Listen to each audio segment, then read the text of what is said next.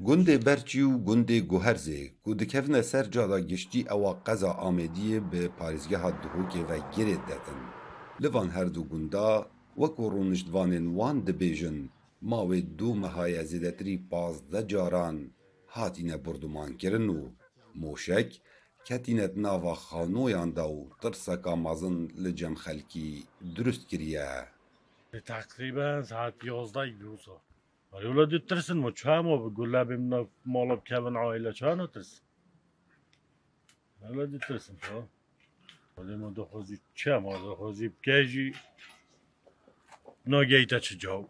هر بعدام جنسه بشوله ما گود بیجی گود بیده سال پیکن کوه نکن یو بشوله هر اتی هر از veri فتلم او گوت رنگ. ایک درگه کرد ایک چوبش مدرسه کرد ایک چونین مالا عارف گوتا و بجگی ما دوی کنی نا ما دی چی نبین کریا ما چه حال نینا نشه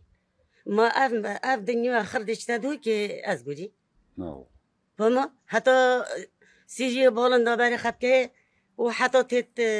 اف مشاره آخر یلبر کفت ما همه یلو یو تو سانه ما چی نبیده Ev her du gunde dikevne navbera zincîrên çiyayê Metîn û Garey da wekû hewlatiyên van gundewara diyar dikin û li vê dawiyê şerên here mezin navbera gerîlayên PKK û leşkerê Tirkiya rûî daye û armanca Tirkiya ew e ev van gunda çol biket. نخیر پککی هیرشیمانه کریه پککی اوه تقریبا ساله که راستی مساعدت کرد. مساعده یعنی گنده دیر کفتین اوه منطقه که استراتیجیه یعنی راستی مثلا اوه وره سی گلید کفنه رخی مثلا رخی نظار گلیه دوید یه گلیه گیزه. و ویراجی گلیه سرگلیه. دیسا گلیه هجی یرشوه یعنی اف هر سی گلیه ترکات وید ویرا بگیرن على اساس پگکی محاصره کن Ebtinê li gundê berçî ku zêdetirî du sed malbatan xwevedgirîtin û